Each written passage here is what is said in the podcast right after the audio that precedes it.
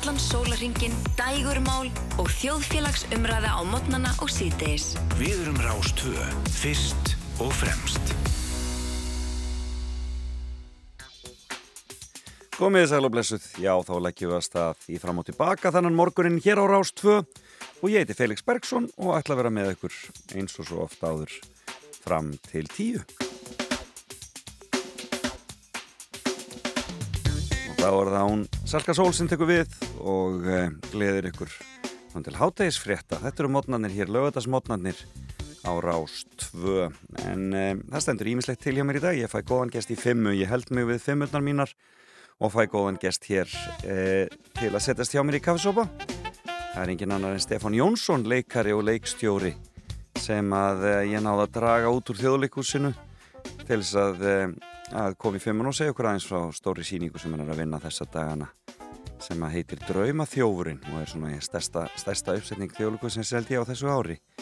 Það sem að ver ári en Stefan ætlar að tala um fimm staði í sínu spjalli. Eftir nýju ætla ég bara að gera sama ós um síðustu helgi. Ég ætla að spila laugin fimm sem að keppa í söngakeppninni í kvöld og keppast þar við að verða framlag Íslands í Eurovision en um, setni undanúslitin fara einmitt fram í kvöld. Þannig að við höfum ívinslegt að fara hér í gegnum þannig að við skulum bara kíla á þetta og um, við byrjum á lægi með henni Ernur Hrann Ólafsdóttur og uh, Gísli Martin var einmitt að tala um það Ernar hann er að taka þátt í undankeppninni fyrir Eurovision og fyrir söngukeppnina í, í San Marino þessa dagana. En uh, höfundur lagsins sem að þarna ég ætla að spila með henni hér er sá sami og og, og er með henni þarna út í úti í San Marino. Arnar Ástráðsson heitir hann og mér skilst að hann sé heila skurðlæknir. En höfum ekki fleiri orðin þá við skulum heyra lag sem að þau voru með hér í söngukefninni heima árið 2011 Ernar Hrönn og Arnar Ástráðsson. Og e, 2011 það er lag sem heitir Ástinn mín eina og er bara dásamlega fallegt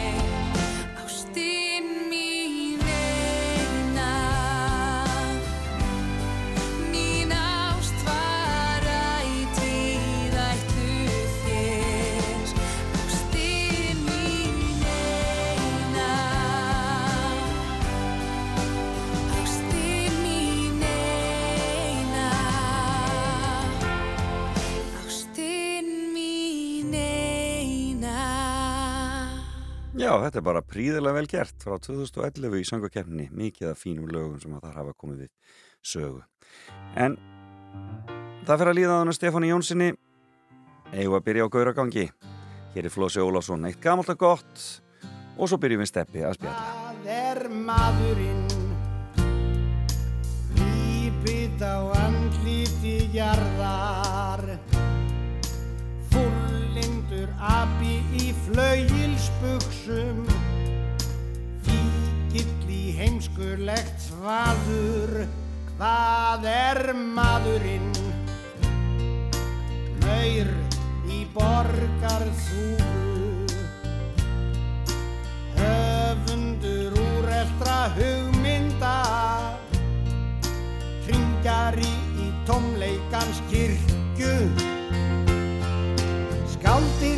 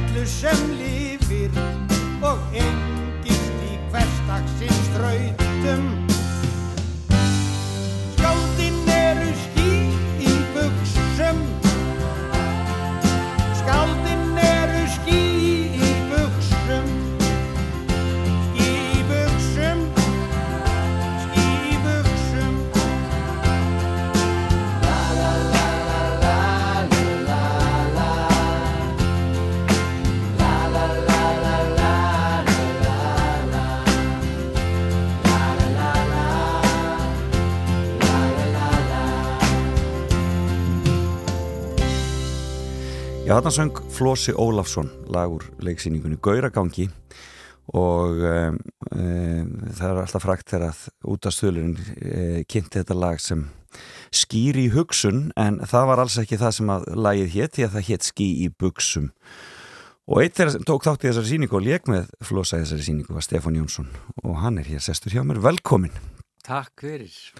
Gaman að rifja upp ský í buksum Já, sætla minningar. Sælla minningar. Þetta var leikið nokkuð oft Já, á sviði þjóðleikursins. þetta fór í hundrað og eitthvað hundrað og eitthvað síningar Já, Það er dásanlegt, dásanleg minning. já, Eh, velkomin.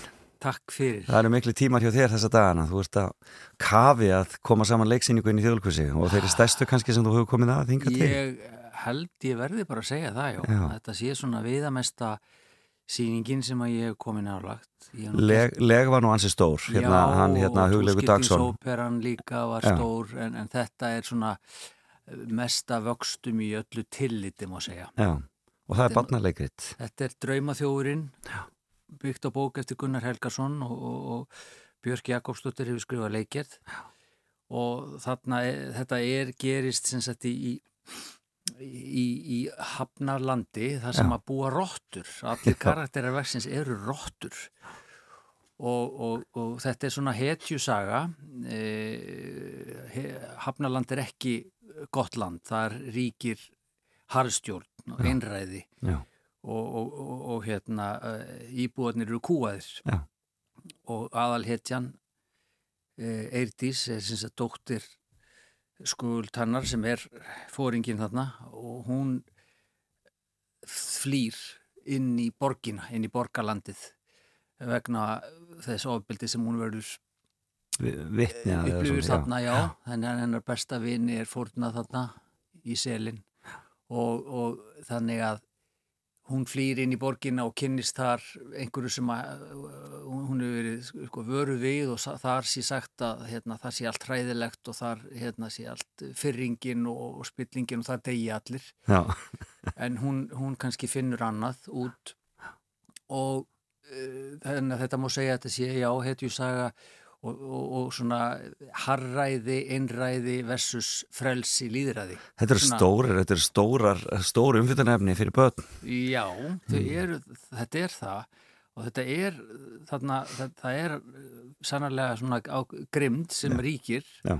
þarna og, og, og ég held að Gunni hafi sagt mér að, að, að það sem að kveikti þetta hafi verið hérna valdataka eða kostning Trump í bandarækjunum þannig að við erum ekki bara að tala um kannski svona eitthvað einræðisríki eins og við þekkjum það eh, svona eins og Norður Kórea eða jafnvel Putin eh, hérna, Rúsland Putins í dag heldur líka svona kannski fasískar tilneyingar í okkar elskuðu bandaríkjunum svo við förum ekki lengra eða jafnvel í okkar eigin, Já, í okkar eigin garði. eigin garði Akkurat, þetta er áhugavert. En ég meina þetta þarf líka náttúrulega að vera skemmtilegt, þannig að það Þetta er, þarf að það er náttúrulega glíma líka. Já, og það að setja þetta, pakka þessu inn í, í fjölskyldusýningu sem á að höfða til eh, batna og fullorðina, það er náttúrulega þautinni þingra en, en það er áskoruninn og, og hérna þarna eru þarna eru fullt af börnum í sýningunni og er, eru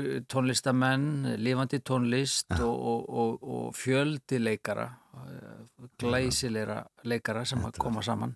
Þetta verður Þannig eru líka stórar brúður sem að náttúrulega rotturnar eru litlar og þegar þeir hitta köttin eða fólkan eða selin þá eru stærða hlutvillin eftir því. Já, akkurat, þetta verður, ég get ekki beðið, get ekki beðið.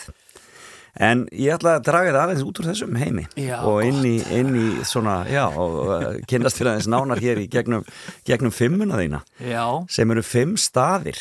Mm og er ekki bara uh, best að byrja bara strax á byrjun? Hva, hver, hver er fyrsti staður sem þú vilt nefna í fimmunni þinni? já ég, staðir urðu fyrir valinu hjá mér og þá er ég kannski að svona þeir eru allavegin í læginu þessi staðir sko. Þeir geta verið langir og mjóir eða líka svona taka yfir umtalsvert svæði og fyrsti staðurinn minn er eh, svo ég seti þetta líka upp í einhvers konar svona ferðalagi gegnum mitt líf Já. þá ætla ég nú bara að byrja í miðborg Reykjavíkur Já, það er fyrsti staðurinn.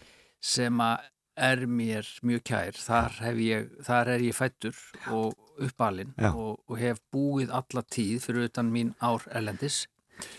Og, og þá er það bara já, þetta er svona það sem að hjarta slær. Ég ég er, Hvar ólstu upp? Hvar, hvar ég er fættur á fæðingadeildinni og, og svo, svo bý ég fyrstu hvað 5-6 árin á, á Mímisvegi og svo flytti ég á Berstaðastrætti bara hinum með við götuna við fæðingadeildina Já, þannig að það bara gengið, gengið heim eiginlega Já, bara.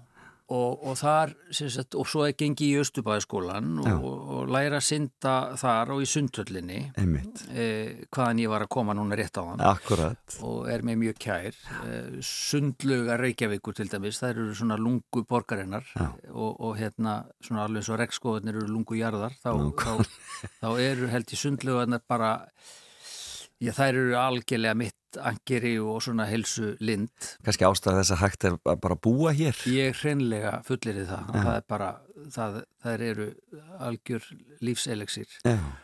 Og, og, og svo er það bara laugavugurinn og skólavugurustígurinn og, og miðbærinn og hallarisplanið og, og hérna, þú veist, við erum að fara í gegnum táningsárin. Já. Ég fer índir úr Stubaskóli í Hagaskóla, þannig ég kynnist líka, Já. fer alveg vestu fyrir læk, sko. Ok.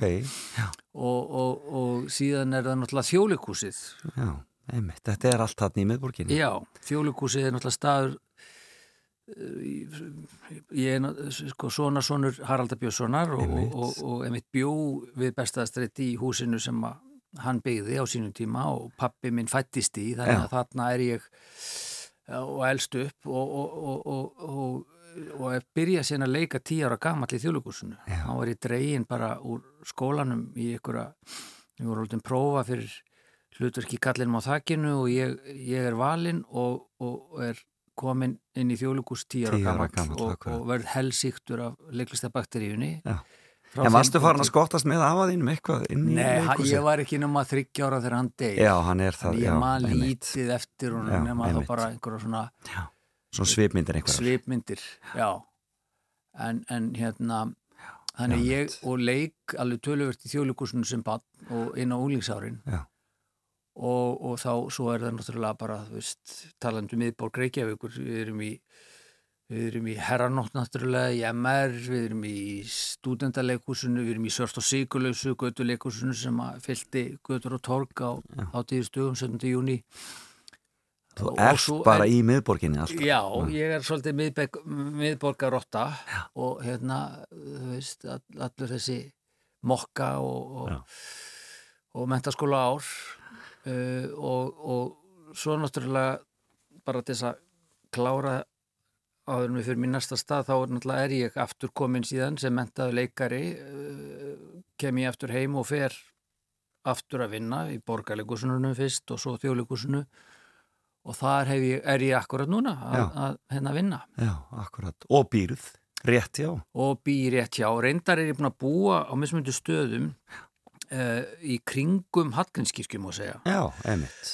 Þannig að núna er ég og hef búið svona all- alltaf svona, já, við hliðin á og í kringum all- allt, bara fjölnisvegi, skólaurustík, baldurskötu, njálskötu og nú er ég fyrir aftan Guð, eða svo má segja, svona bak við rassin á honum, Já, á á, leifskötu. á leikskutinni. Já. En þú hefur, hefur aldrei á þessum tíma farið yfir snorabrautina?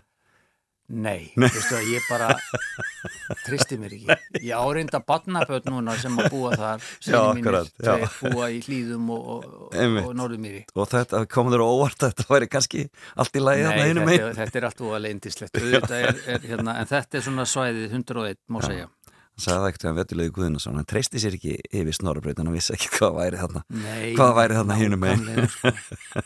Líka bara þessir, er þetta ekki hús sem er að sökva Já, í mýrina þarna, já, akkurat. En varst alltaf, sko, uh, ferða í pyrrjóðnar á þegar fólk talar um uh, miðborgina sem, já, þetta borg óttanstal og miðborgin sé svo hættulega og fólk treysti sér ekki til að fara þarna niðurittir og, Mm, nei, það fer ekki til tauganir á mér Nei. Veist, ég, ég menna, það, auðvitað sækir þú veist, maður hefur náttúrulega síðan að breytast rosalega mikið miðborgina Mhm. og, og hérna og svo náttúrulega túrismi núna og, og, og, og auðvitað sko ég, ég vildi nú meina þegar að það var að kvarta yfir sem mestur látum í, í miðborginni og suppuskapurinn og allt þetta. Þetta sé náttúrulega, fólki úr útkörunum sem er að koma þarna um helgar og, og, og skýta hann út sko. Því að við erum hann mesta friðsenda fólk íbúar eh, miðborgarinnar. já, það er kannski, menn, menn eru kannski stundum að miða við tíman eftir klukkan fjögur á mótnana Já, á, já, á festas og já, lögðiskvöldi. nákvæmlega og þá er maður bara sofandi sko. Já, venjulegt fólk Já, er í því. já, svona í sittni tíð alltaf. Akkurat, svona í setni tíð. Skulum orða það þannig. Heyrðu, hver er næsti staður, Stefán Jónsson? herðu þá ætla ég bara að fara til London vegna þess að þangað fer ég eh, að loknum stúdinsprófi frá eh, MR Mm og, og, og fer og læri leiklist. Af hverju fórstu til London? Af hverju fórstu ekki í leiklistaskóla Um, Íslandi? já, það er góð spurning. Ég sótti vissulega um í leiklistaskóla Íslands og komst inn með þessi. Já. Það var sér satt svona, ég fer, fer reynda til Fraklands fyrst eftir metaskóla og er þar eitt vetur í Montpellier eh, og er bara sagt svona, þú veist, ætlaði mér alveg sannarlega að fara í leiklistina og, og, og er þarna síðan veturinn eftir Frakland í, í svona intöku ferli má segja í vildi tjekka á London og fór í induguprófi í nokkrum skólum þar og var eiginlega bara býð eftir svari þegar að þegar ég hérna kemst inn í Já. Guildhall School of Music and Drama Já, daginn eftir að ég er komin inn í Leiklistaskóla Íslands Mhm. og, og það var mikið, mikið tilvistarangist já, skiljanlega. og ég ákvaða að fara til London og, og Harpa Arnardóttir, mín kæra vinkona tók með einn stað mitt pláss í, í bekknum Já, og þetta var bekkurinn sem að ég voru Yngvar og Balti og Edda Arljóðs og. Hilmar Jónsson og Björn Ingi og, og, og, og Ekkert Kóper Hörkubekkur. Já, og ég sagt eh, ástæðið sem ég langaði að fara út ég, ég var náttúrulega alin upp við það eh, í fóreldrahúsum, mamma er eftir að sjá heiminn og, hérna, eh, þú veist og, hleypa hindraganum Já. Og ég tók það alvarlega og ég var líka einhvern veginn, ég var orðin svolítið þekkt starf svona sem ba- batna unglingaleikari og, og, og, og var búin að gera mig gildandi í, í, í stundaleikúsinu og herranóttu og öllu þessu, svona, þessu, þessu samfélagi Já. þannig að mér langaði svolítið, svolítið að byrja upp á nýtt svolítið, að svona bara einhvern veginn svona að, að, að núlstilla mig og, og, einnig vissi ég að það væru frábæri skólar í Breitlandi Og þú kemst náttúrulega inn í eitt besta leiklistaskóla heims bara sem Já, Guildhall er já, náttúrulega á þessum tíma. ég að var bara kosti. svo uh, heppin með það og þar er ég í þrjú ár og, og þetta var alveg frá, þetta voru frá, frábær mótandi ár Hvar, hvar bjóstu í London á þessum Ég tíma? bjó í Bethnal Green Ok, þar sem að sýsti mín býr og uh, bjó og býr einmitt. Og, og bjó fyrst inn á henni fyrstu önnina en svo fór ég inn í einhver svona bæjablokk og bara við liðin á og, og, og bjó þar allan tíman við erum að tala um sko Thatcher England. Akkurat. þannig að hún er ekki borgin er ekki eins litskrúðu og fjölmenningalega eins og hún er í dag. Nei, Þetta var voru- grátt, það var þetta var grátt. grátt og það var, það var, það var Thatcher og það, var, það voru verkvöll og það voru skinheads hérna, þannig að þetta voru svona, já hún var meira grá á guggin en, en, en samt fulla sprengikrafti og menningu og það var ekki ég, ég var duglegur að sækja það var, ekki, það var ekki bara skólinn sem var góður heldur bara aðgengið að menningunni Já, sko- aðgengið að, að allir í heimsins menningu því London hefur náttúrulega verið er eina miðstöð leiklistar og Já. menningar í heiminum Og þeir hafa passað upp á það að stúdendar og fólk með minni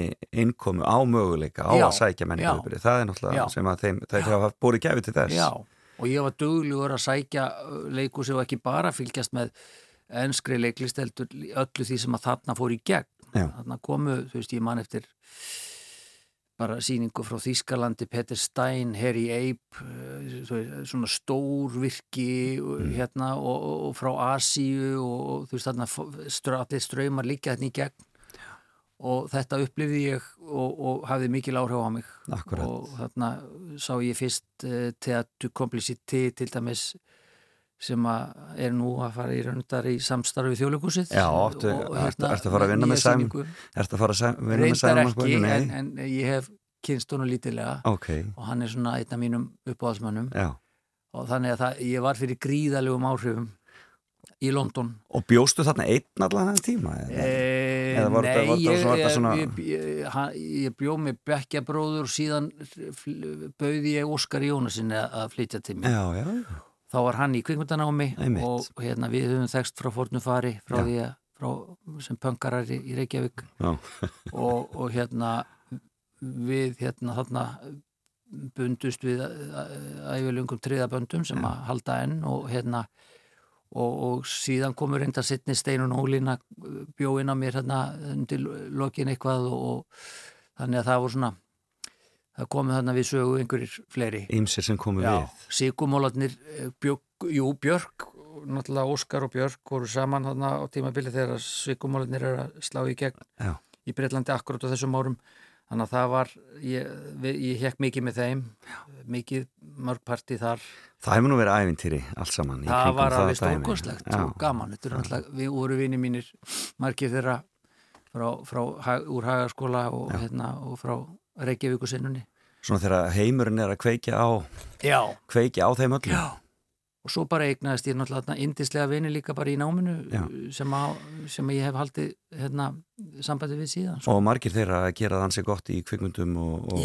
og sjómanstáttum og öðru slíku. Já, sá fræjasti kannski Ís Rífans frá, frá Wales Akkurat. sem að uh, fólk þekkir, já, hann var kannski slói gegn fyrst í Notting Hill þarna sem hérna hérna þessi, þessi sóðalegi hérna íbúið þarna inn í Akkurat. í húsnæðinu þar og, og, og síðan, hvað síðast er hann ekki í þessum hérna, hvað heitir þetta Lord of the Rings Akkurat, ekki, Hérna, þessi, nákvæmlega. þessi hérna já, Nákvæmlega. þannig að við höfum haldið sambandi síðan Akkurat. En sko það, það- kom alltaf til greina, ég menna eins og ég segi, þú ert í Guildhall, þetta er, þetta er elítuskólinn, svona þegar það kemur að bresku leikusi, mm -hmm. þú vildir ekki vera áfram bara úti. það var, jú, sko það var svona margt sem spilaði inn í. Þarna voru við ekki komin inn í Euróska efnahanarsambandi Já, efnas, svæðið, já, svæðið. þannig að það var hægara sagt en gert einhvern veginn að fá starf Já. sem útlendingur, maður þurfti að hérna, helst að vera giftur. Og þeir voru mjög strángir á því. Uh, og, en það voru vissulega þarna það voru svona, voru haldin svona hétt Agents Evening Já. í- þegar við vorum að klára og það sem að komu umbóðsmenn og þetta var mikill svona mikið stress fyrir alla þau veist þarna áttu átti fólk að sína svo sanna nákvæmlega, borgarinnar og það var skipti öllu máli að fá umbóðsmann ég var svona frekar slagur það var svo fyndið ég veginn, var ekkit viss hvort að ég var að fara heim eða ekki og svona bjóst svo sem ekkit um miklu en þarna komu, ég fekk allavega tvo umbóðsmenn sem að voru að, hérna fallast eftir mér og, og, og virkilega sterkir og flottir. Einmitt, eitt þeirra var svo, svo sem að var vildi fór ís líka og, og hérna þannig að þannig að svo gerist 89 því ég útskrifast á degir pappi og hérna þannig að þetta, það kom svolítið svona los á þetta og, og, og ég fekk síðan stórt hlutverk í bíómynd sem var rið byggt á Einmitt. bílavistæði batta eftir Ólaf Haug Einmitt. og síðan samning við borgarleikúsið sem að þá var nýflutt í borgarleikúsið e, nýja og, og hérna og eins og ég segi staðan fyrir útlendingavinn í Breitlandi alls ekki eins og hún er í dag. Nei, nei, þannig að ég þannig að ég fór, ég held sambandi við þennan umbóðsmann allavega en það, ég, veist, það fór aldrei lengra. Nei, Ég svona, hann hafði eitthvað samband og svo bara svona rann það út í sandin vegna þess að lífið tók við á Íslandi Og þá ertu bara komin heim og byrjar að vinna já, neginn, já. já, Já. og þá bara var það, einmitt eins og ég segi fyrst í borgarleikusinu og, og svo bara tók eitt við að öðru og hérna, já, þjóðleikusið og, og, Og allt, allt sem og allt það sem að því fylgdi síðan.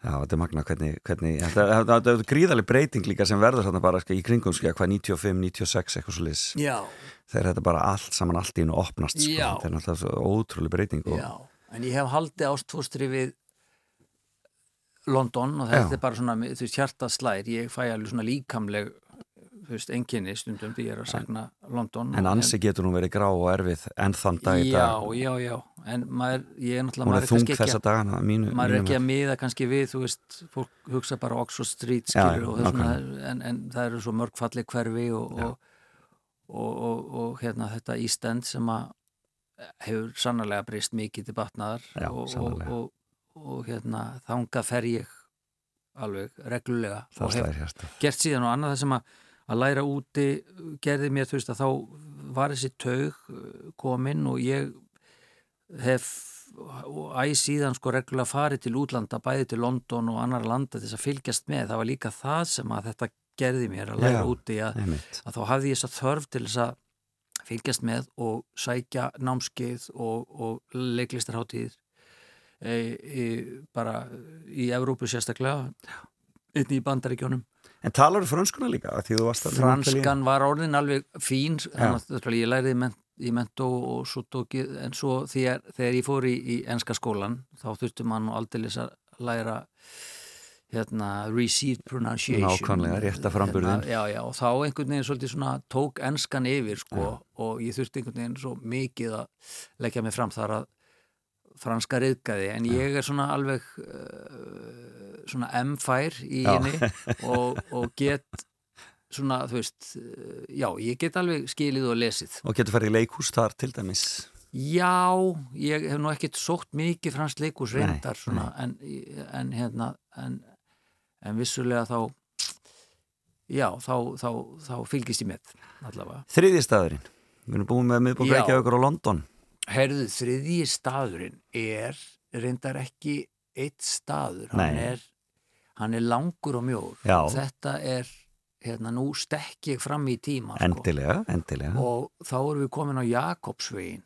já, já, það er aldrei lis vegna þess að já, hvenær var það? Það var held ég ný 2000 og, og, og, og ég er að verða 50 þarna.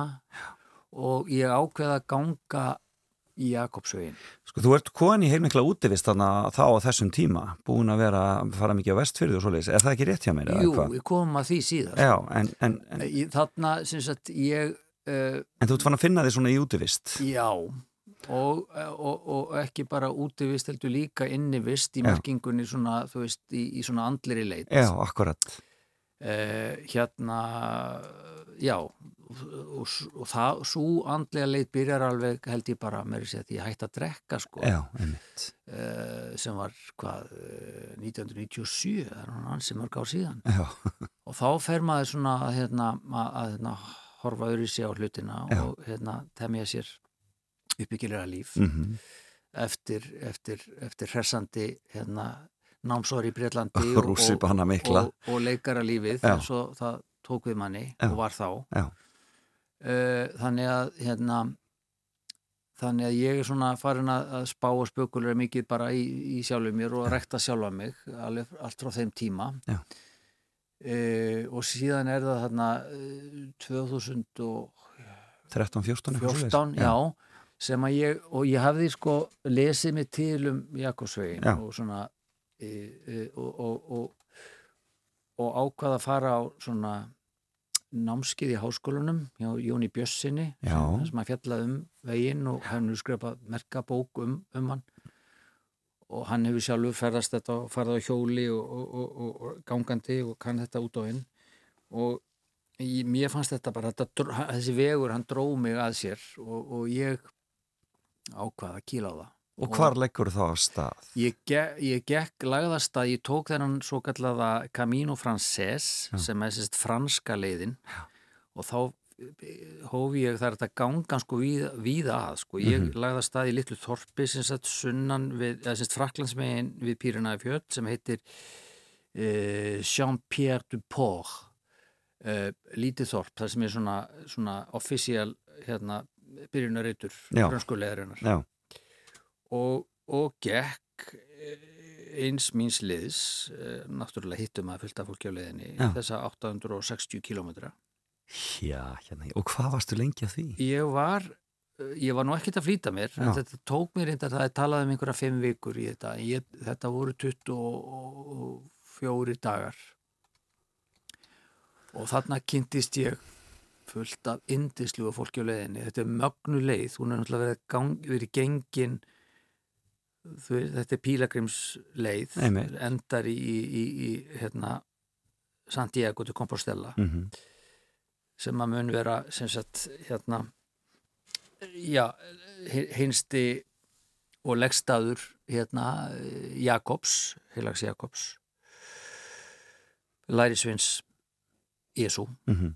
og, og ég var ekki að fara þarna trúarastöðum skal ég segja, ég, ég er ekki ég er ég, ég er ekkit svona bókstafstrúar ég, ég, ég, svona, ég trúi að öðri mátt Mhm. og, svona, og það sé eitthvað starra en við öll þannig að þetta var meira svona andleg uh, andlegt ferðalag Og hvernig var þetta? Ég meina, hvað, sko, er þetta, ferðu bara strax inn í sónið eða, eða gerist það á einhverju nokkrum dögum eða hvað hva, hva ég- gerist á leiðinni? ég held að sko Ég reynd að skilja þetta, það er svo margir sem að tala um þetta, svo það. sem að, þarna, og reyna og fara oft, fólk Já, fer ár eftir já, ár. já, já, já. En hvað er það sem gerist þarna á, á leiðinni? Það, er- þetta er náttúrulega, þetta reynir á líkamlega sko, þarna ertu að ganga á hverjum einasta degi og þú vaknar eldstemma mótnan og vaknar kannski bara fyrir sólarupprás Já. og, og það var nú það, þannig sem það þróast hjá mér, ég fór að vakna fyrr og fyrr og þetta er bara svona ákveði ritual, ákveði svona ákveðin rútína, þú, þú, þú gengur af stað, uh, þú gengur inn í sólarupprás sem að varð bara svona uh, eins og raðfullnæðing. Og hérna að því að það var svo stórkostlegt Já, á tíðum að, að, að sjá bara sólinu koma upp og fuglana Vakna. vakna og, og svo gengur og þú veist, það er náttúrulega til marga bækur um þetta, ég var með svona eina góða biblíu með mér sem að svona e, var með ákveðnar dagleiðir og, og stundum voru þær bara sérstaklega þeirra á leið þá, voru, þá var maður búin að klára þeir jafnvel um hádegi sko, Já. og, og vildi bara halda áfram. Já. og þá bætti maður jafnvel við sko tvöfaldri eða þrefaldri dagleið sko með að við það sem að var lagt upp með í þessari bók. Og svo kom maður í, í, í náttstað einhver, einhverja borg eða lítið þorp eða bara, já, einhverja húsa þyrpingu jafnvel og þá bara gekk, byrjaði maður á því að koma sér í, í hérna, sem sagt, ífurustað pílagríma sem eru nokkrir í allstaðar, alltaf eitt staður allavega Mm -hmm. og, og, og maður festi sér kóju í, í, hérna, í sveppskála og, og svo bara var maður með sí, maður var ekki nema með 7 kíló á auðvitað. það var bara, veist, ég fór alveg eftir því bara að vera sér léttastur Já. og þá bara byrjaði maður á því að þú, þú á sér, þú veist, fötin og, hérna, og hengi upp til þerris fór og borðaði e, svona, svona pílagríma menjú sem var við á bóstólnum og, og, og spjallaði við fólk og, og, og las og kannski eitthvað og skrifaði hjá sér einhverjar hugleiðingar og fór svo í kóju og vaknaði Þetta og svona gekk þetta og þetta var einhvern veginn svo fallegt rítúal og þetta var bara á svo mörgu já, á margan hátt. Þetta var svona já, þetta var svo andlegt líkamlega erfitt en einhvern veginn þannig spilaði þetta allt saman og, og hérna, maður kynntist ótrúlegu fólki og, og, og að því að þessi leið hún er náttúrulega bara svona að verið, verið gengin í gegnum ár þúsundin sko, þá, er- þá er hún svona hl, svo hlaðin af orku. Já, og allir er að ganga á sínum forsendum. Sem eru hérna, heitrúaðir og, og allir sem ganga þarna eru samt á einhverjum tímamótum eða flestir svona, veist, það er, það er, það er einhver er, er, þeir eru að mist einhvern eða þeir eru ungir og ástfangnir að lappa með ástinni sinni eða, eftir skilnað eða það er einhver tímamót Já. það eru allir einhvern veginn með eitthvað í hjartanu sem að þeir eru að vinna með hver voru, hver voru þín tímamót þarna þessum tíma? Uh, þarna er ég reyndan í skilin og, og, og, og uh, er svolítið svona bara að, að hérna hef ég nýja kapla Já.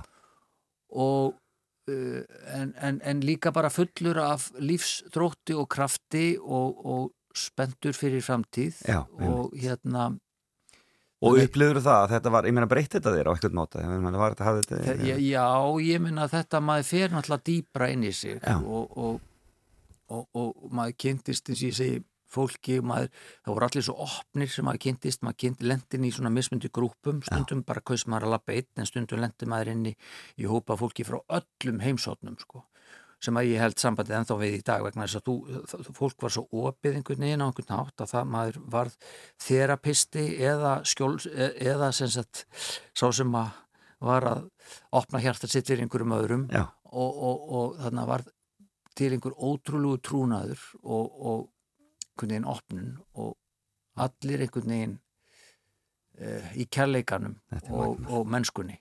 Og það var svo fallegt. Þannig að já, þetta, ég held ég að þetta hafi öruglega gert með betri mannesku Þú ert að selja þetta, það er ekki spurning. Nú fjölda fólks að langa Já, til að ætla, arkast ég ætla að lappa aftur Já, sko, ég, veist, þú segir að margir hafa gengið þetta oft Já. og margir af þeim sem ég gekk með er búin að fara ótalsinum Já. Og mér langar að fara aftur. Við dreymtum það í síðan. Það var þannig því ég kom til borgarinnar að tilfinningin var mér langar að halda áfram að ganga til eilíðar. Er mér bara, langaði að halda mér langaði einhvern veginn þó að ég saknaði þetta heima hana þá var tilfinningin svo ég gæti haldið áfram að ganga að eilífu. Forrest Gump Já, og það er eitthvað í því bara, veist, þetta er eitthvað neginn að ganga, þetta er bara lífsins vegur líka, það er, það, er svo, það er svo margt sem að spila þetta inn í einhvern veginn að, að, hérna, að, að þú veist, lífið er gönguferð. Tökum okkur smá pásu Fáum lítið lag hér og svo höldum við Stefán Jónsson áfram að spila Veit ekki hvað vakti mig. Vill liggja um stund. Tógar í mig tær byrtan Lýsir upp mína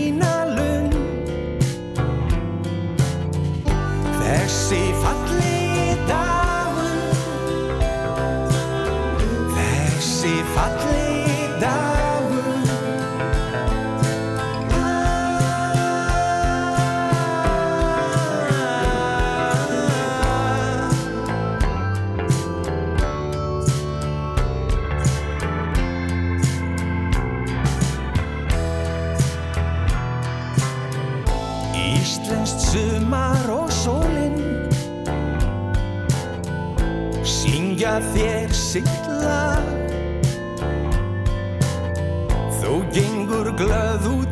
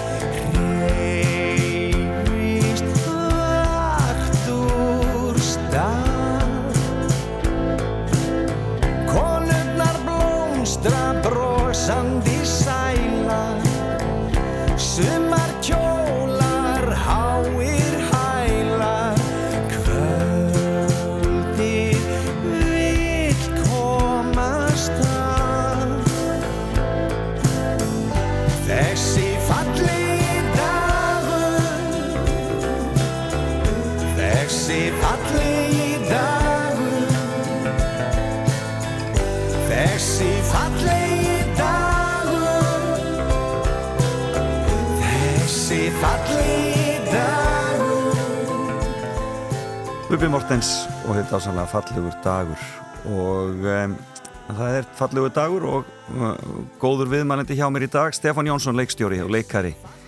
Við erum að fara í gegnum fimm staði sem að hafa haft áhrif á lífans. Við byrjum með miðborg Reykjavík og fórum til svo til London og höfum nú verið að tala um Jakobsvegin eh, sem hafði mikil áhrif eh, steppi gekk þetta á 24 dögum 860 km, hvað fóstu með marga skó á þessari leiði eiginlega? Bara eh, eitt par. Já, þú fórst Vel valið. Já, vel Já. valið eitt par Vel gert, en það aldrei hælsæri Jú, ég fekk beinheimnubólgu, hún náði mér sko.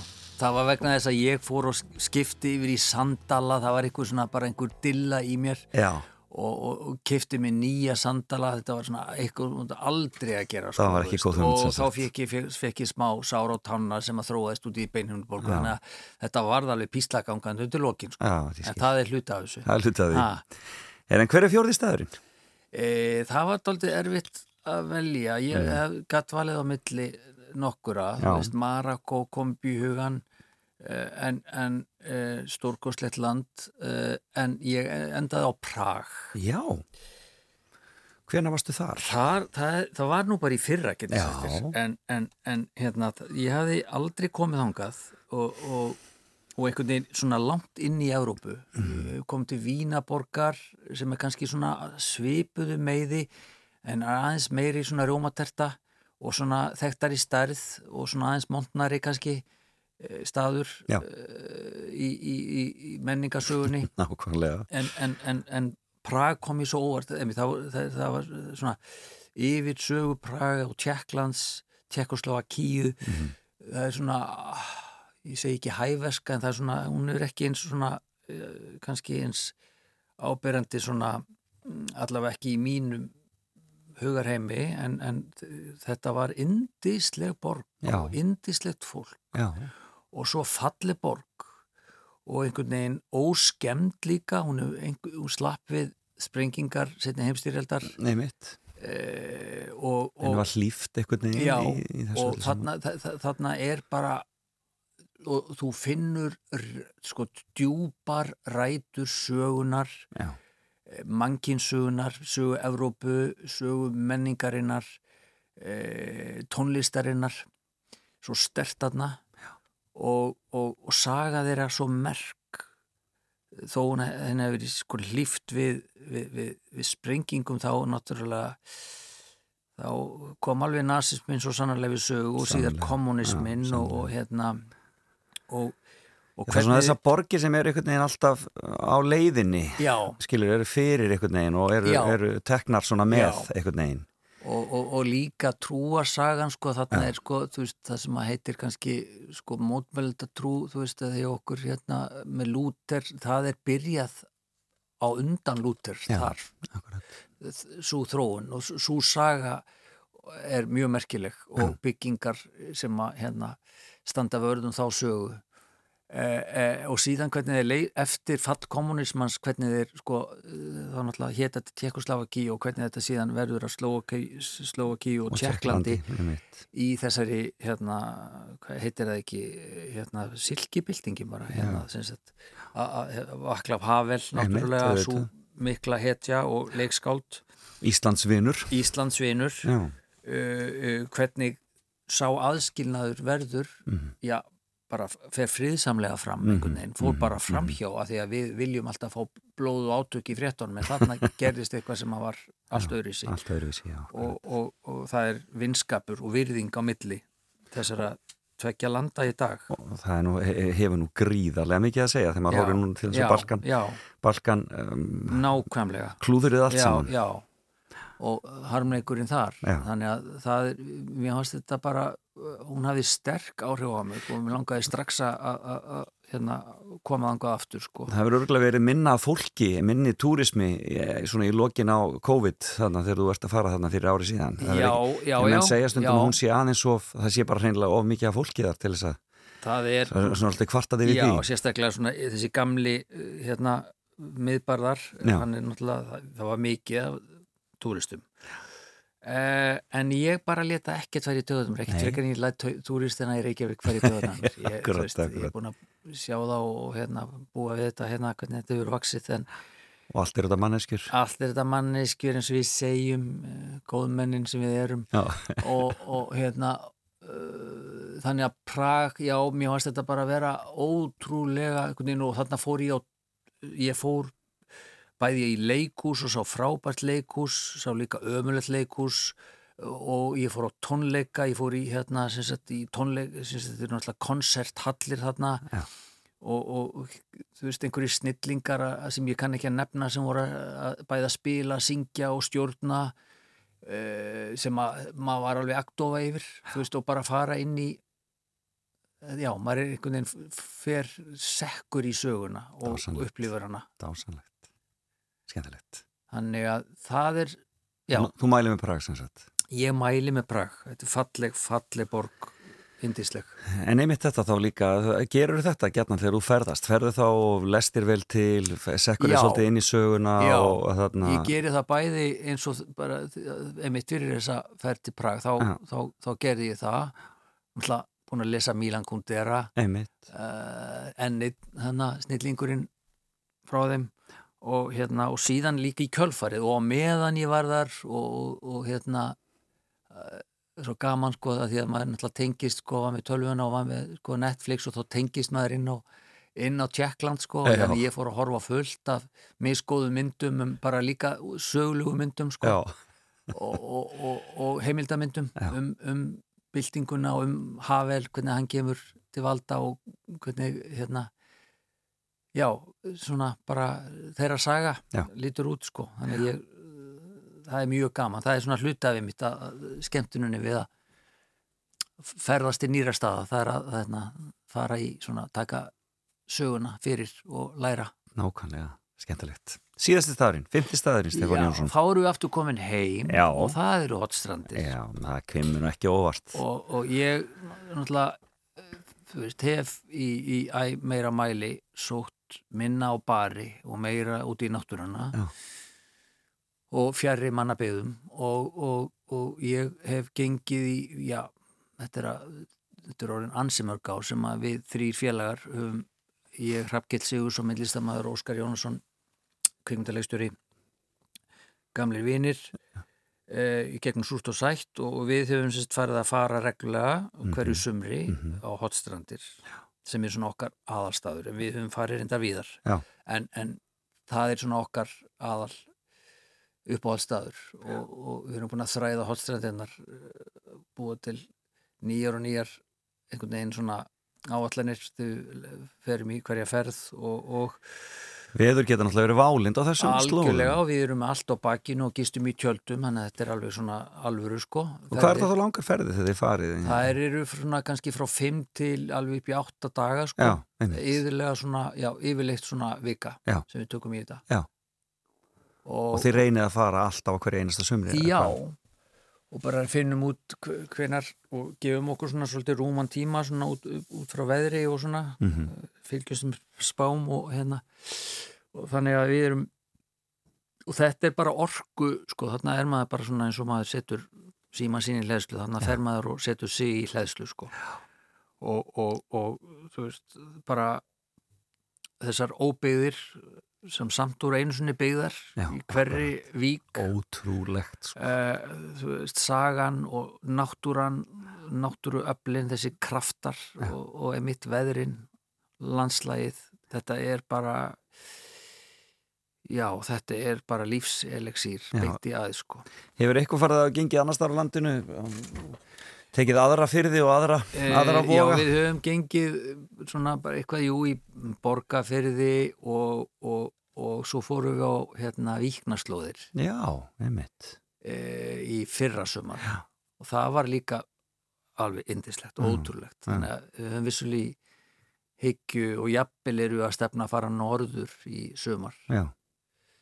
þannig að hérna Þetta er kallið ykkur hvað? A- Arctic Creatures? Já, já við, svo, svo tróðast þetta þannig við vorum að taka myndir okkur til gamans þarna þar sem við vorum að hérna, og að því við erum nú allir listamenn og, og, og hérna, humoristar þá fórum við svona að setja í einhverjar svona innsetningar og, og, eitthvað að sprella og, hérna. Allt innu byrtist ófylgja og, ímiskonar myndlistaverk sem maður hafi séð áður. og þetta var algjörlega sjálfsbrottið og hérna var ekkit ætlað til útlutnings fórum að byrta þetta á, á Facebook og hérna og, og vinum, vinum okkar til gleði og, og, og hérna þegar fólk fór að býða eftir næsta skamti Já. þannig að þetta svona vatt upp á sig og, og það- fólk að hvetja okkur til að gera eitthvað meira með, með þetta e, þannig að það endaði með því að við létum undan við ætluðum ekkert að gera þetta lengi vel og við vorum í síningu í Reykjavík og þá fundum við nafn á, á, á Gunnar Arctic Creatures Já. Og því þetta er náttúrulega þetta er náttúrulega alþjóðlegt Já, nema hvað, nema hvað. því að það voru ekki bara áhengendur hérlendis og gáum út bók Já. með myndum og heldum hérna á Hafnatorki voru með fínt galeri þar og síndum og þau veistum að framlengja marg Aftur og aftur, já.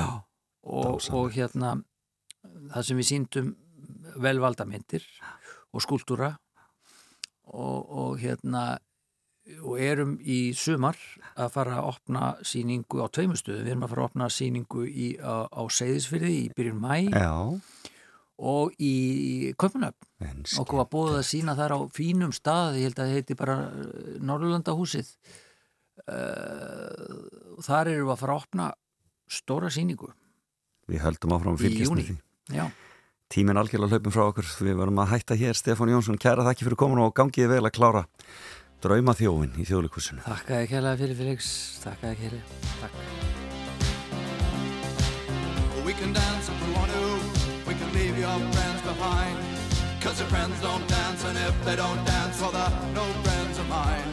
See, we can go where we want to, places they will never find. And we can act like we come from out of this world, leave the real one far behind.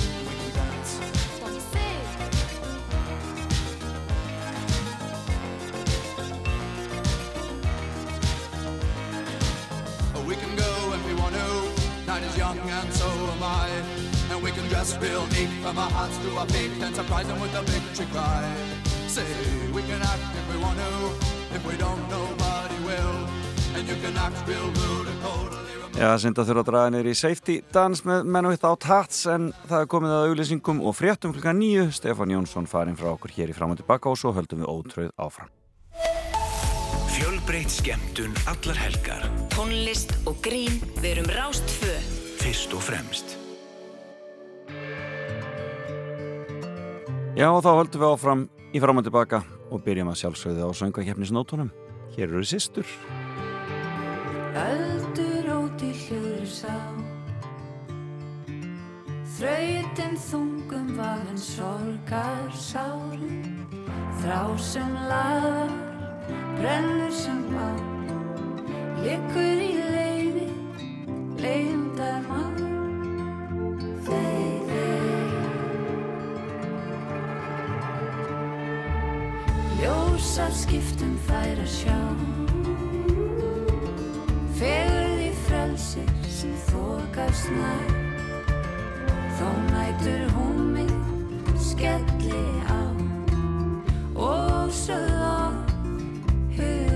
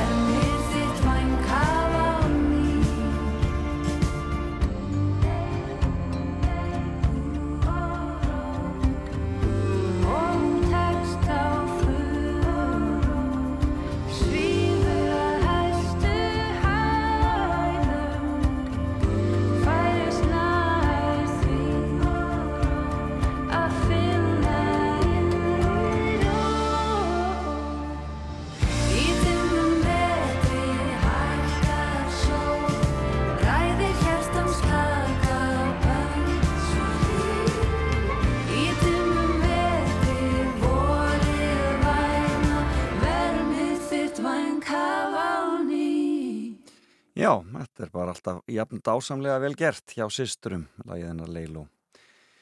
Já, þið eru að hlusta á fram og tilbaka og það er komið að síðra eitt klukkutímanu hér hjá okkur og þessum klukkutíma ætlum við aðeins að kíkja á lögin sem er að keppa í söngakeppninni hér eh, hjá okkur og, eh, stíf, og listamenninni stíga á svið í kvöld í síðari undanúrslitum. En mér langar að nota tækifærið og benda ykkur á eh, eh, frábæra þætti sem að eh, hún Júlía Margrét er að eh, sjá um. Þetta eru hlaðarpsþættir sem heita með söngvakeppnina á heilanum og eh, þar er hægt að kynnast þessa dagana listamönnunum betur í frábærum þáttum, frábærum viðtölum sem að gaman er að heyra og ja, það er gaman að vera það sem verið að gera svona mikið úr þessu og mikið og gott efni að finna á rúvefnum og einvitað líka á hlaðvarpsveitum En uh, lögin sem ég ætla að spila í dag eru, uh, já eins og ég segi, lögin sem keppi í kvöld og þarna eru frábæri listamenn á ferðinni, Kristín Sesselja, Langisel og Skuggarnir, Siljar Ós og Kjalar, Úlfar og Sigga Ósk. Við fáum eitt lag hér með Travis og svo skellum við okkur í þetta og byrjum á Kristínu Sesselju hér eftir smástund.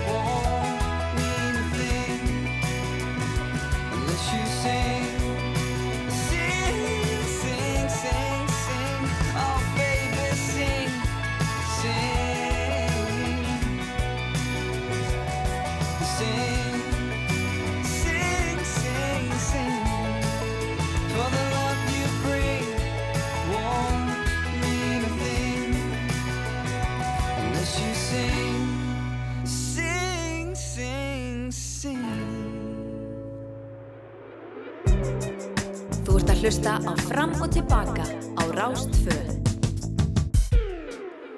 Já, það er komið að fyrsta læginu sem við ætlum að spila hér af þeim sem að uh, keppa í kvöld uh, í söngukeppninni og uh, það er hún Kristín Sesselja sem að á það lag. Uh, hún er, hefur vakið heilmikla aðtegli upp á síðkastið Kristín Sesselja sem söngkon og lagahöfundur og hefur átt nokkur lög sem við höfum verið að spila hér á Rástfö en lagið sem hún flytur í söngukeppninni það heitir á íslensku Óbyggðir eh, og eh, en á sér líka enskan texta þar sem það heitir Terrified. Ef ekki bara að kýla á þetta, hér er Kristín Cecilia og hún stígur á svið í söngakefnishöllinni og í sjónvarpinu í kvöld. Manst eftir kossinu með fossin heimurinn snerist við Sindrandi sumanótt Setna um vetur þekkti þið betur og sagðist elska þig. Buffjallum fyrðu fljótt. Já, manstu hvað við vorum góð? Ég vissi alltaf hvar ég stóð. Mér langar ekki að trúa því að ég sé ekki þín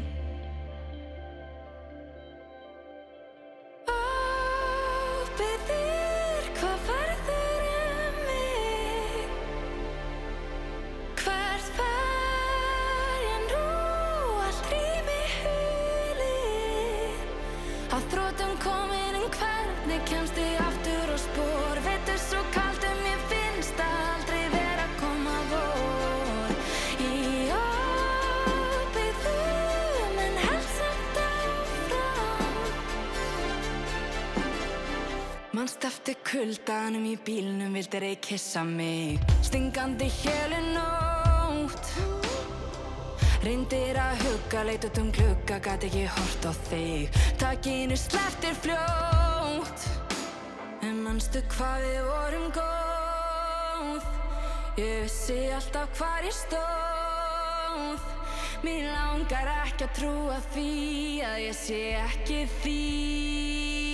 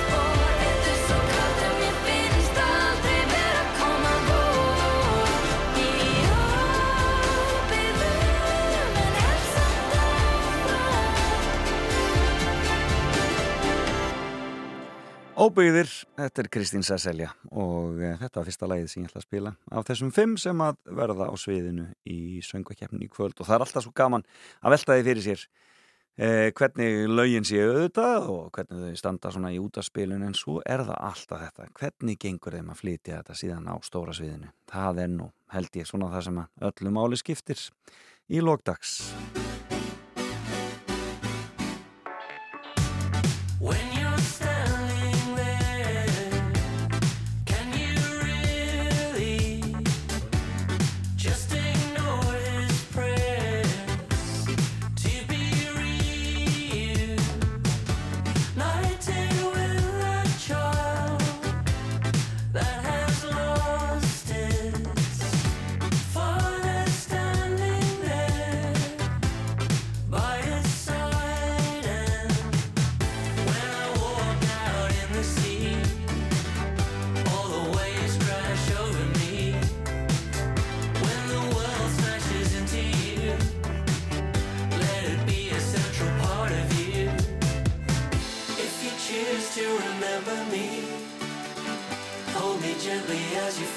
you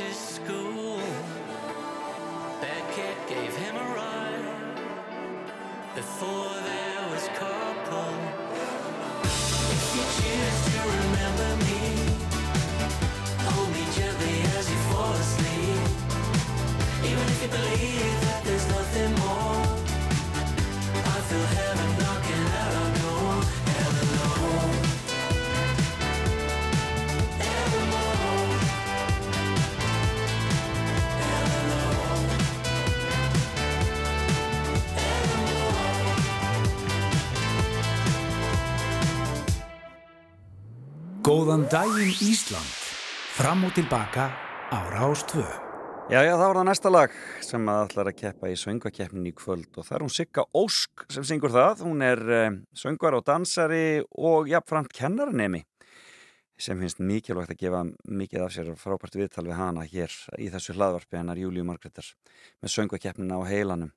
En Sigga Ósk kemur úr uh, uh, já, fjölskyldu sem að er uh, ekki ókunn sviðsljósinu og var afskaplega glöð þegar hún fekk að tækifæri hún er 23 ára gömul og um, þetta er mikið stuðlag, hefur ekki bara kíla á að heyra í Siggu Ósk. Lægið heitir, um, lægið heitir, heitir, heitir, um, Gleima þér og dansa heitir það á íslensku eða á ennsku Dancing Lonely. Spennandi að sjá hvernig Siggu Ósk á eftir að ganga í kvöld. Hér er hún. Aftur sæti, eitt í slög Stjörnu heimin og bara við tvö. Brotin hjörtu, þóttnu tár. Hjæltan tímin að laga vel sár. Reykjavíkur nætur minna mig en þá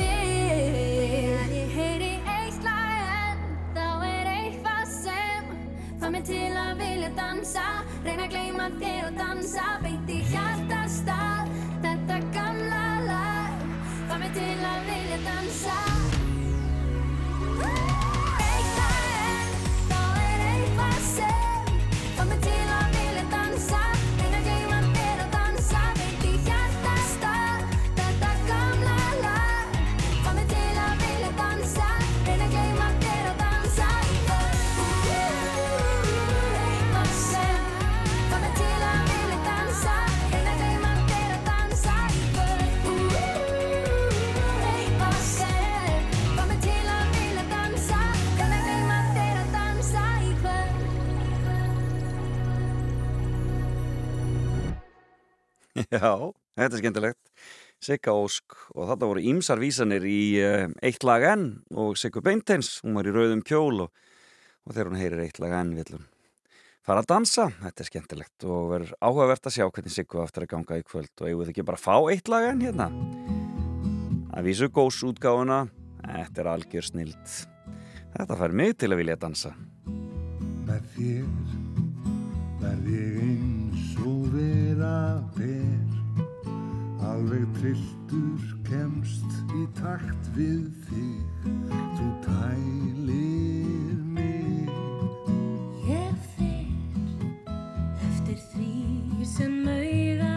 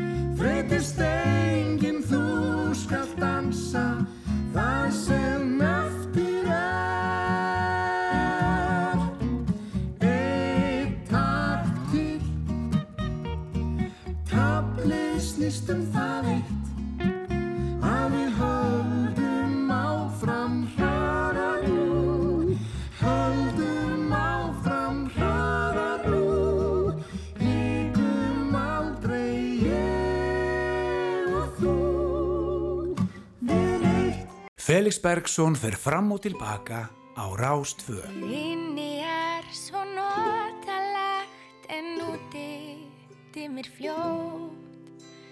Ég ætti að fara heim áður en kvöld verður að nótt. Ekki horfa svona á mig veist, ég stens þig auð þín.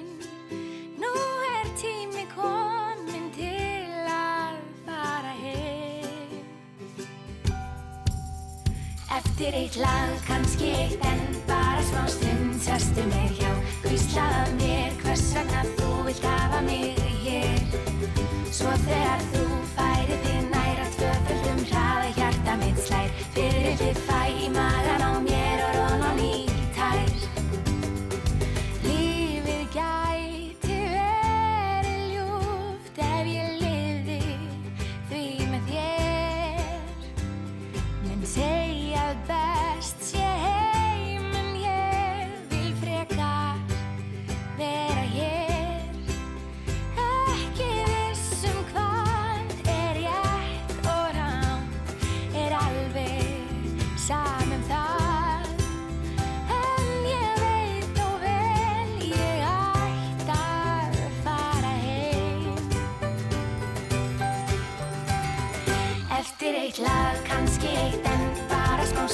sesti mér hjá Hvíslaða mér hvers vegna þú vilt hafa mig hér? Svo þegar þú færi þig nær á tvöföldum hraða hjarta mitt slæg Ég fyrir þig færi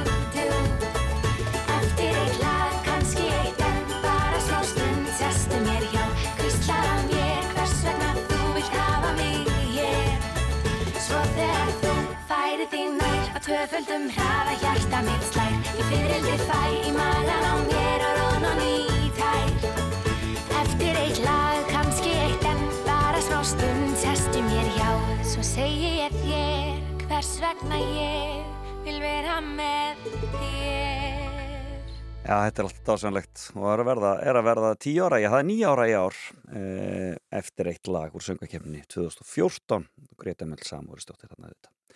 En það er komið að næsta lagi sem ætlar að keppa í kvöld og það eru þau Silja Rós og Kjalar sem eru næst á dagskrá.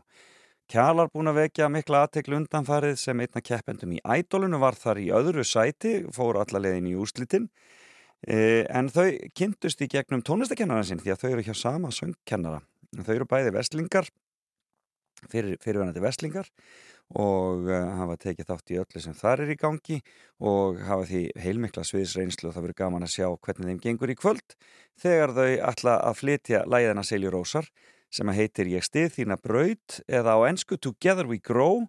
Hérna eru Silja Rós og Kjalar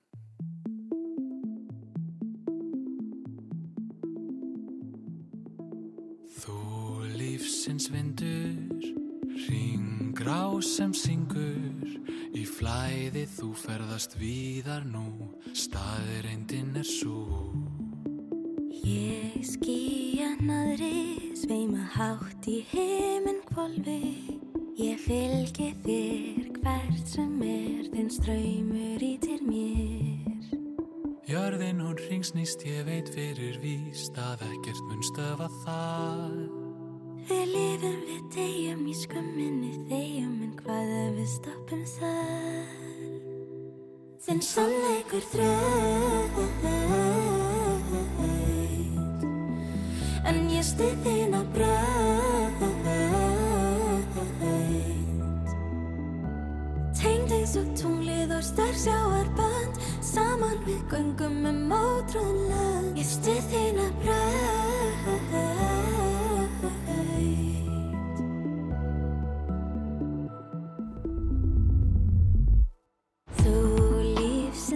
lækur, streymir svo sprækur, skilur eftir slóð, saga þín sem ljóð, sannleikurinn grám. Mitt flösku skeiti, ferðast flótt að leið, verð með mér bóðinn, dæmd og dóðinn, færi þér lesnar orð, þinn sannleikur þröð.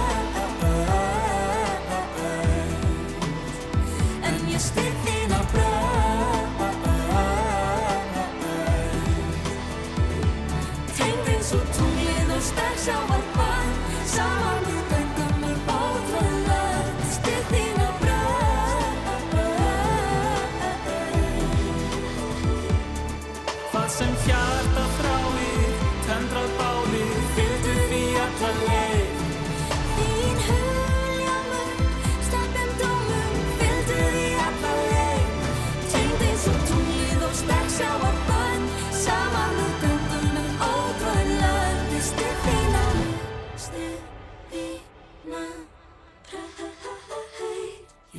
Ég stið þín á braut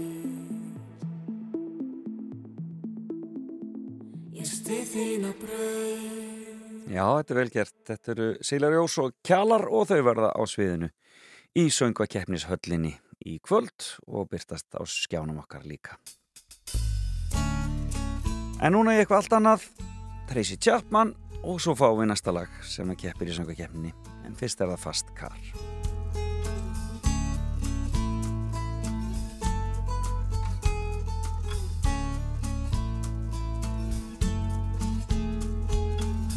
Get a fast car. I want a ticket to anywhere. Maybe we make a deal. Maybe together we can get somewhere. Any place is better. Starting from zero, got nothing to lose. Maybe we'll make something. Me, myself, I got nothing to prove.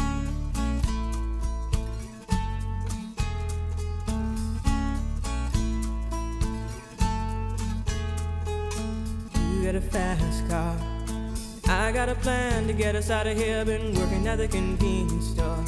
Managed to save just a little bit of money. Won't have to drive too far. Just cross the border and into the city. You and I can both get jobs and finally see what it means to be living.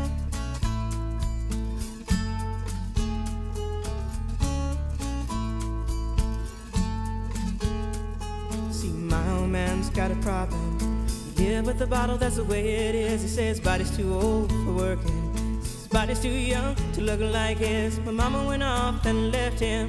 She wanted more from life than he could give. I said, somebody's got to take care of him. So I quit school, and that's what I did.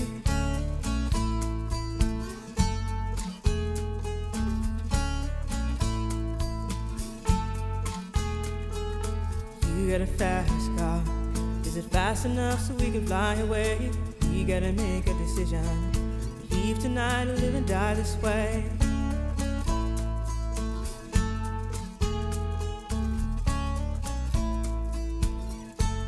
So I remember when we were driving, driving in your car. Speed so fast, I felt like I was drunk. City lights stay out before us, and your arm felt nice wrapped around my shoulder. And I, I had a feeling that I belonged. Had a feeling I could be someone, be someone, be someone.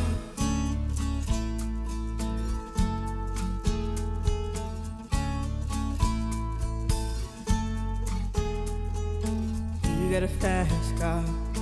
We go cruise and entertain ourselves. Still ain't got a job. Now work in the market as a checkout girl. I know things will get better. You'll find work and I'll get promoted. We'll move out of the shelter.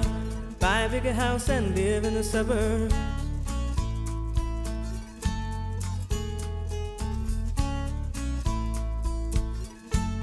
So I remember when we were driving, driving in your car. Speed so fast, I felt like I was drunk.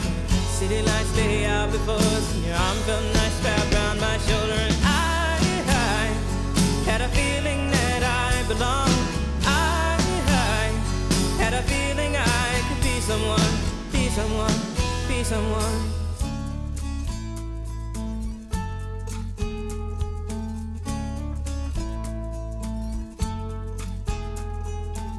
You got a fast car. I got a job that pays all our bills. Instead of drinking late at the bar, see more your friends than you do your kids. I'd always hope for better. Thought maybe together you and me find it. I got no plans, I ain't going nowhere. So take your fast car and keep on driving.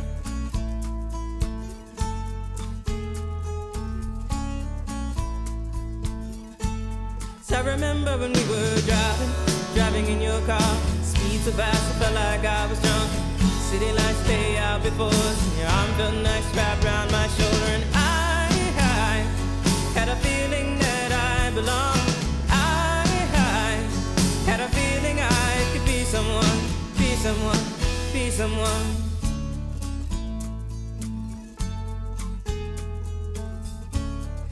Já, þetta er fast kar auðvitað og uh, Tracy Chapman hana.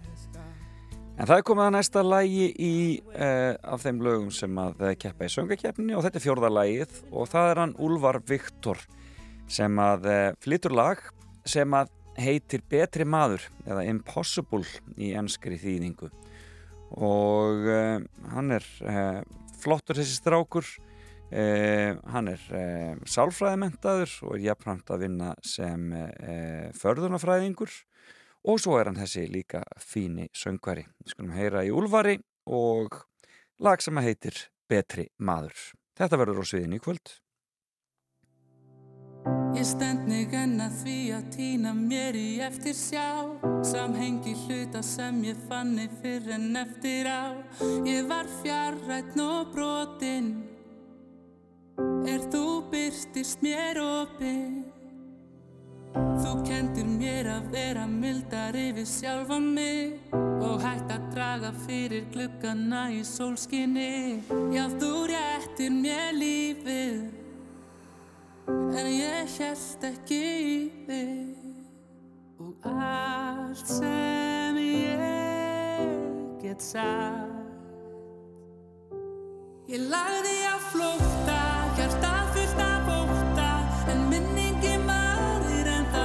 þá um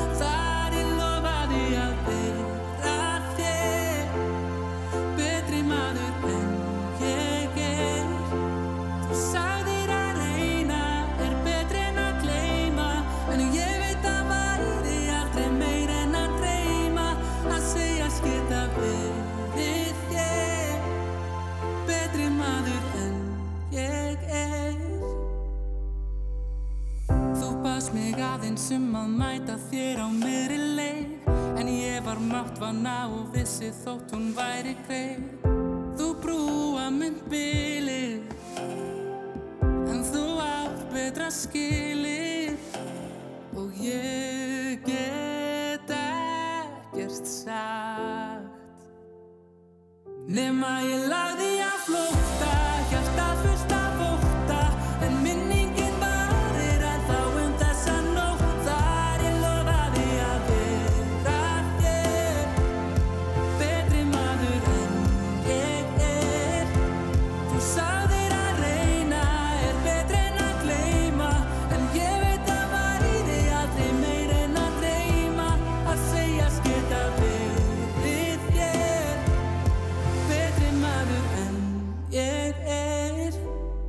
finn þig enn í huga mér Í hjarta mér. Er sólinn skínin og víkjabur skíin Þá vona ég þér lífi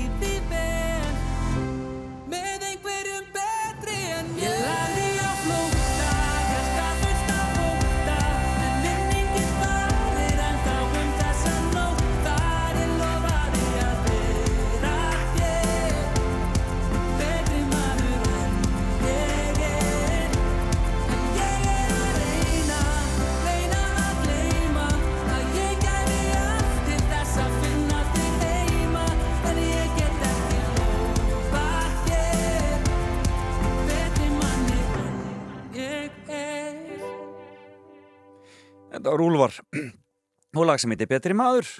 Og það verður gaman að sjá hvernig honum á eftir að ganga að flytja þetta á stóra sviðin í söngakeppnin í kvöld. En uh, við hefum eitt lag eftir og það eru Langisel og skuggarnir, það verður hér á eftir, eftir smástund, fáum auðlýsingar og eitt lag í viðbót og svo er það Langiseli og svo fer nú bara líða því að Selkasól taki við hér á Rástvö. Fyrst og fremst. Rástvö Þetta er Rástfö I'm going to the party, but I'm not going to make friends. I need a lover. Everybody's looking for somebody, for somebody to take home. I'm not the exception, I'm a blessing of a body to love on. If you want it bad tonight, come by me and drop a line. Put your aura into mine. Life. I could ease your appetite. No, you've never been this high. Don't be scared if you like it. Cause I'm not here to make friends. No, I'm not here to make friends. Yeah. Cause I'm not here to make friends. I need a lover. I need a lover. I'm just being honest, baby. I just need a partner when the lights come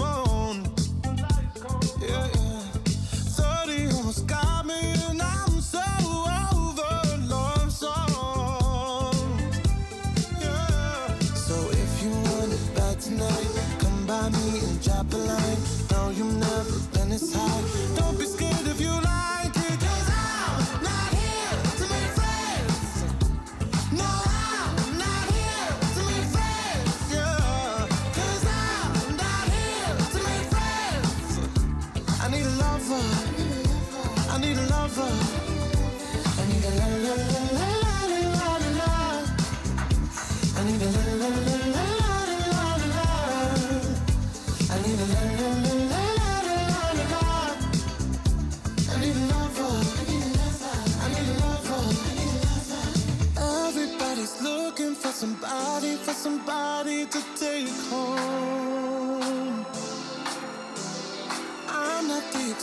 I'm a blessing of a body to love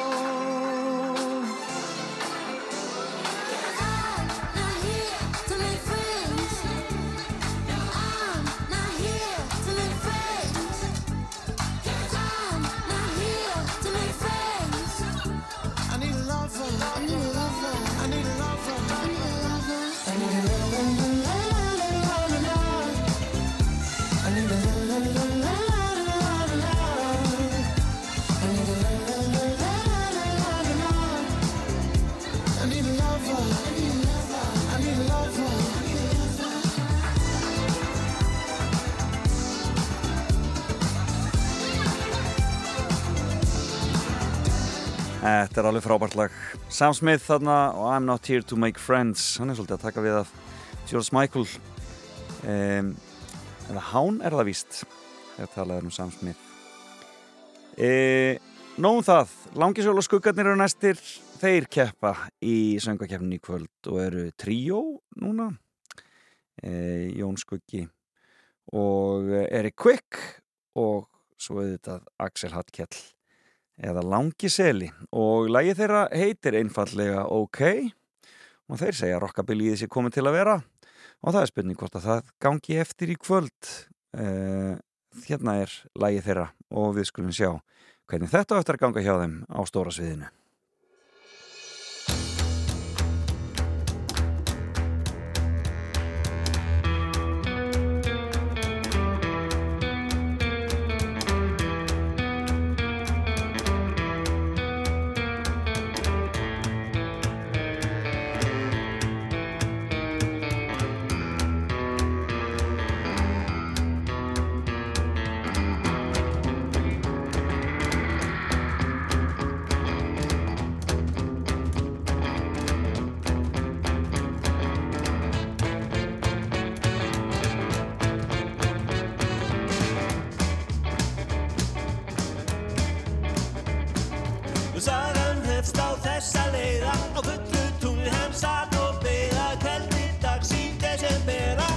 Föstu degi eins og vera ber. Ok.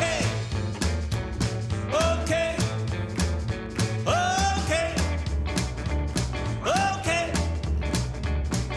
Skyndilega á bjarmansló Og svartu köttu með passakló Krossaði þvert á hans leið Sem er fram til þess að var bein og greið. Ok. Okay.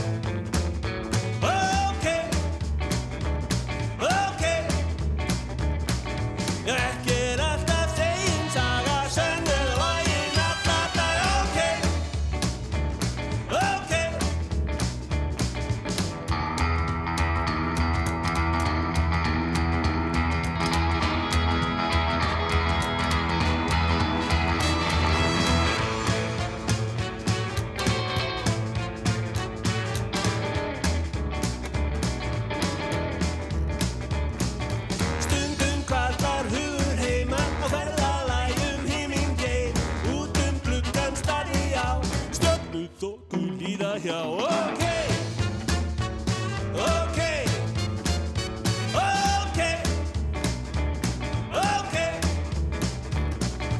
Fínt er að hafa sem flest á hreinu og gott að gleyma. Ekki neinu þið haldið er út í himingei Þá er gott að hafa hreinu leiðina heim. Ok